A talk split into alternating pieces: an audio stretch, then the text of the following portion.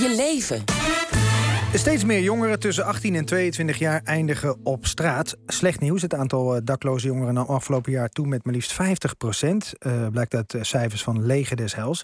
Deze ex-dakloze jongere vertelt hoe dat is. Het was een, uh, een, rollercoaster, om heel eerlijk te zijn. Eigenlijk ja, heel apart um, om ook van bank naar bank te gaan. En ook af en toe gewoon bij totaal vreemden in huis te komen. Ik heb natuurlijk ook onder trappen geslapen. We hebben in een liftschacht geslapen. Ik had uh, 260 euro elke maand om van te leven. Uitkering? Of... Uitkering, ja. En dat was af en toe best moeilijk. En ja, daar kwam dus ook af en toe bedelen bij kijken. Je trots aan de kant zetten, dat is het vooral. Ja, hoe kunnen deze jongeren die tussen wal en schip vallen het beste geholpen worden? Nou, Stichting Het Bouwdepot denkt een oplossing te hebben. Zij ondersteunen jongeren een jaar lang met een uh, vast maandelijks inkomen, zodat ze aan hun toekomst kunnen werken. Manon van Hoekel is de bedenker van het uh, Bouwdepot. Van harte welkom. En Eden van Engelen is hier ook, uh, deelnemer aan het, aan het Bouwdepot. van harte welkom ook. Goedemiddag. Hallo. Ja, Ede, we hoorden net een dakloze jongere praten hoe, hoe het leven was. Um, herken je wat je hoort? Um, nou, uh, sommige, sommige stukken ja. Um, ik weet wel hoe het is om van bank naar bank te gaan. Um, daar bijna geen privacy te hebben of uh, je eigen dingetje. maar het bedelen en zo, dat heb ik allemaal niet gedaan. Nee. nee. Kan je iets vertellen hoe jouw, jouw dakloze leven eruit zag? Hoe mijn leven eruit zag? ja, eigenlijk heel kort door de bocht. Uh, ik werkte heel veel. ik was om zes uur s ochtends pakte ik de fiets. En de mensen op de binnenplaats die uh, waren al aan het roken of waren drugs aan het gebruiken. En dan heb ik het over zes uur s ochtends, terwijl ik dan uh, eigenlijk op een fietsje ging. De moed op te rapen om gewoon te gaan werken en geld verdienen. Ja. ja. En hoe kwam het dat je op straat belandde? Nou, ik ben echt beland omdat uh, ja, bij mijn thuissituatie, al toen ik heel klein was, um, was het al best wel een grimmige sfeer. Hmm. We hadden best een heftige vechtscheiding tussen mijn moeder en mijn vader. Um, uiteindelijk heb ik daar best wel wat trauma's aan overgehouden. En nog steeds last van mijn depressie al meer dan tien jaar. Ja. Um, toen ben ik hulp gaan zoeken, ben ik in een kliniek, klinieken terechtgekomen. Uiteindelijk ben ik in de jeugd, uh, ja, jeugdhulp terechtgekomen. Dus instellingen, zorginstellingen. En vanuit daar ben ik naar een safehouse gegaan. Om te kijken wat de volgende stap zou zijn. Met mij eventueel uh, wat ze bij mij aan zouden. Ja, wat ze eigenlijk zouden gaan doen met mij. Um, ja, en en, en nu hebben we het specifiek over dakloze jongeren. Mhm. wa, wa, wa, dat is dan vooral, dan hebben we het vooral over zeg maar verleefdheid vanaf 18 jaar. Ja. Want dan veranderen dingen. Hoe, Klopt. hoe, hoe zit dat? Ja, ik zat dus op een safehouse en ik was 17. En uh, die dag daarna zou ik 18 worden. En toen dacht ik, oh nou leuk, uh, mijn 18e verjaardag, iets waar ik naartoe heb lopen kijken al heel mijn leven.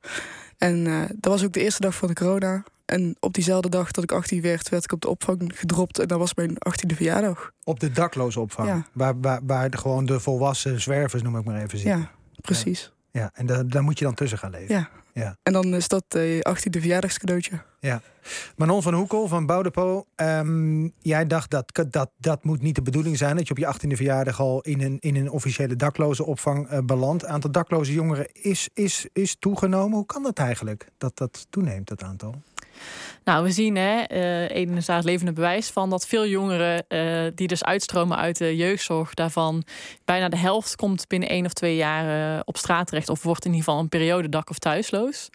het komt ook omdat als je 18, tussen 18 en 21 bent en je wil een uitkering aanvragen, dan is die dus maar 265 euro.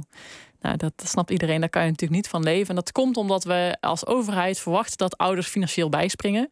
Maar ja, dat is precies deze doelgroep. Ja, die ouders zijn financieel buiten beeld. Dat is een beetje een merkwaardige, merkwaardig uitgangspunt, zou je zeggen. Dat, dat zou je zeggen, ja. ja. Maar helaas is dat wel, uh, is dat wel zo. Um, ja, en daardoor weten we dus dat jongeren uh, echt heel snel heel diep in de schuld terechtkomen. Dus gemiddeld bouwen ze dan een schuld van 666 euro per maand op. Ja. Dus je kan je voorstellen binnen drie jaar hoe diep je dan in de schulden zit en daar ja. eigenlijk niet meer uit kan komen. En dacht jij, ik ga dat bouwdepot beginnen? Dat is niet een, een, een huis of zo, daar moeten we niet aan denken. Maar, maar hoe zit het in elkaar? Ja, Bouwdepot is eigenlijk een initiatief die jongeren een inkomen geeft van 1050 euro per maand. Helemaal vanuit vertrouwen. Uh, dus het is een jaar lang. En wij uh, geloven dat jongeren eigenlijk zelf het beste weten wat zij nodig hebben en welke stappen ze moeten zetten om hun leven weer op te bouwen. Dus ze bouwen eigenlijk dat jaar echt aan het fundament van hun leven. Uh, en dat kan zijn je schulden aflossen, een eigen woning vinden, zoeken wat voor studie bij je past, maar ook bijvoorbeeld zorg en naar een therapeut uitgaan bijvoorbeeld. veel jongeren komen daar niet aan toe omdat ze dus hun eigen risico niet kunnen betalen. Omdat ze gewoon ver weg ja, gewoon niet het inkomen hebben. Nee. En ik denk meteen, wie, wie financiert dat dan? Wie, wie betaalt dit dan? Ja, goede vraag. We zijn uh, gestart uh, als project met allerlei subsidies om echt te laten zien en te onderzoeken wat, wat doet het nou. We dachten we kunnen er eindeloze rapporten over schrijven, maar laten we het gewoon gaan doen. Um, uh, en ja, dat heeft eigenlijk zo goed uitgepakt dat inmiddels vier gemeenten meedoen en 60 jongeren een bouwdepot ontvangen. Dus het wordt op dit moment gefinancierd door gemeenten. Was je zelf verbaasd dat je niet eens tegen rapporten hoeft te schrijven om iets voor elkaar te krijgen in dit land? Nou, ik heb zelf een ontwerpachtergrond en ontwerpers maken altijd prototypes om eigenlijk soort bewijslast te laten zien van hé, hey, dit is hoe het eruit ziet. Ja. Uh, dus we gebruiken echt die verbeeldingskracht uh, door, door veel voorbeelden als Eden, ja, die laat zien ja, ik heb echt in een, in een jaar uh, een grote verandering kunnen maken en het heeft me rust gegeven.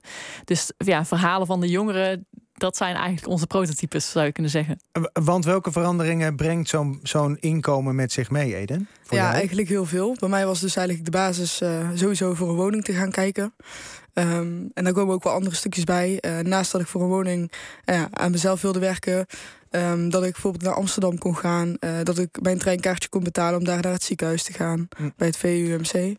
En uh, ja, dat ik ook met mezelf aan de slag kan in plaats van alleen de financiën en de dingen om je heen. Want 1050 euro, hoe, hoe, hoe voelt dat dan als je dat per maand krijgt?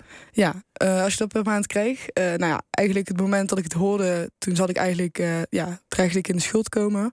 Dus het kwam van mij echt als een roeping, zeg maar. Ja. ik heb er heel veel aan gehad. Aangezien ik naast dat ik gewoon de belangrijke dingen deed, ook gewoon eindelijk een keertje iets leuks voor mezelf kon doen. Mm een beetje de tijd kon inhalen. Dingen kon kopen die ik eerst niet kon kopen. Dus eigenlijk jezelf een beetje verwennen en uh, uiteindelijk ook beter leren omgaan met geld. Dus uh, ik heb er best wel veel aan gehad. Ja, geld is dan in die zin, het is niet alleen fijn om te hebben, maar het geeft ook een soort van basisrust. Ja, zeker. Um, je hebt een beetje meer ademruimte dan de hele tijd het gevoel dat iedereen op je nek zit te hijgen. Ja. Um, dat, je, dat je heel erg de drang hebt van hé, hey, dadelijk heb je grote schulden, die bouwen dus steeds op. Ja. Dus uh, dat je wel gewoon ja, rustig kan landen, zeg maar, om aan jezelf te werken ook. Ja, Manon, uh, ik zit toch te denken, dit klein, klinkt bijna te mooi om waar te zijn. Als ik in Den Haag zou werken op een of andere ministerie, zou ik denken: wacht even, wat is dit? Als ik, en ik luister nu, zou ik denken: wat is dat voor projecten? Hoe, hoezo kunnen wij dit niet inrichten met elkaar? Waarom moet dit vanuit een. Het is natuurlijk prachtig, maar waarom moet dit vanuit een, een stichting komen? Ja, ik denk omdat we echt nog een, een heel verkeerd beeld hebben over wie die doelgroep nou precies is, dak- en thuisloze jongeren. Waar, waar gaat het mis?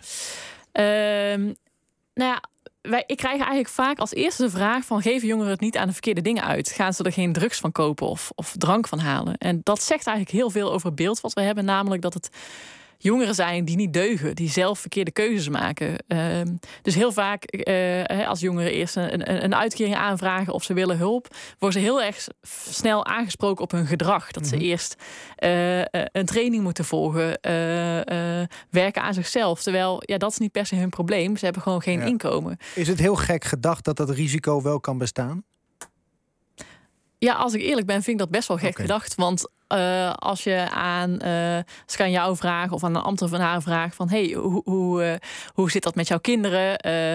ja, dan wordt er heel anders over gepraat, alsof het echt ja, een heel andere doelgroep is. Dat het gaat over de ander. Terwijl ja, het zijn jongeren die bij wijze van mijn neefjes of nichtjes uh, hadden kunnen zijn. Ja. En tuurlijk maken die af en toe ook een fout. En uh, Eden, je had een heel mooi voorbeeld van... je had een leuke date gehad met je uh, vriendin. En toen, toen zei je achteraf... ja, de volgende keer ga ik dat aan het eind van de maand doen. Want dan weet ik wat ik nog over heb qua geld. Ja. nou, en Gebeurt niet alleen jou hoor, Eden. Nou ja, mooi dat je dat zegt. geld uitgeven.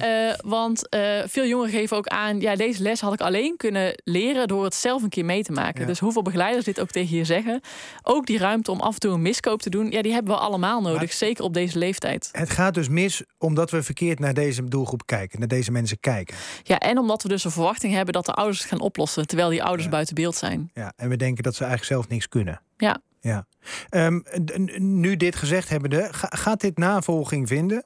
Je zegt de vier gemeentes hebben, zijn er nu ook mee bezig? Ja, ja, er zijn gelukkig steeds meer gemeentes enthousiast. Uh, ons doel is om uiteindelijk zo rond de 120, 150 jongeren een bouwdepot uh, aan te kunnen bieden. Uh, en dan vinden wij dat er genoeg bewijslast moet zijn om het echt in het systeem te krijgen. want ja, het moet nu nog een beetje op een omslachtige manier. Maar ja, we vinden het uiteindelijk gewoon aan het Rijk om hier een oplossing voor te vinden. Ja.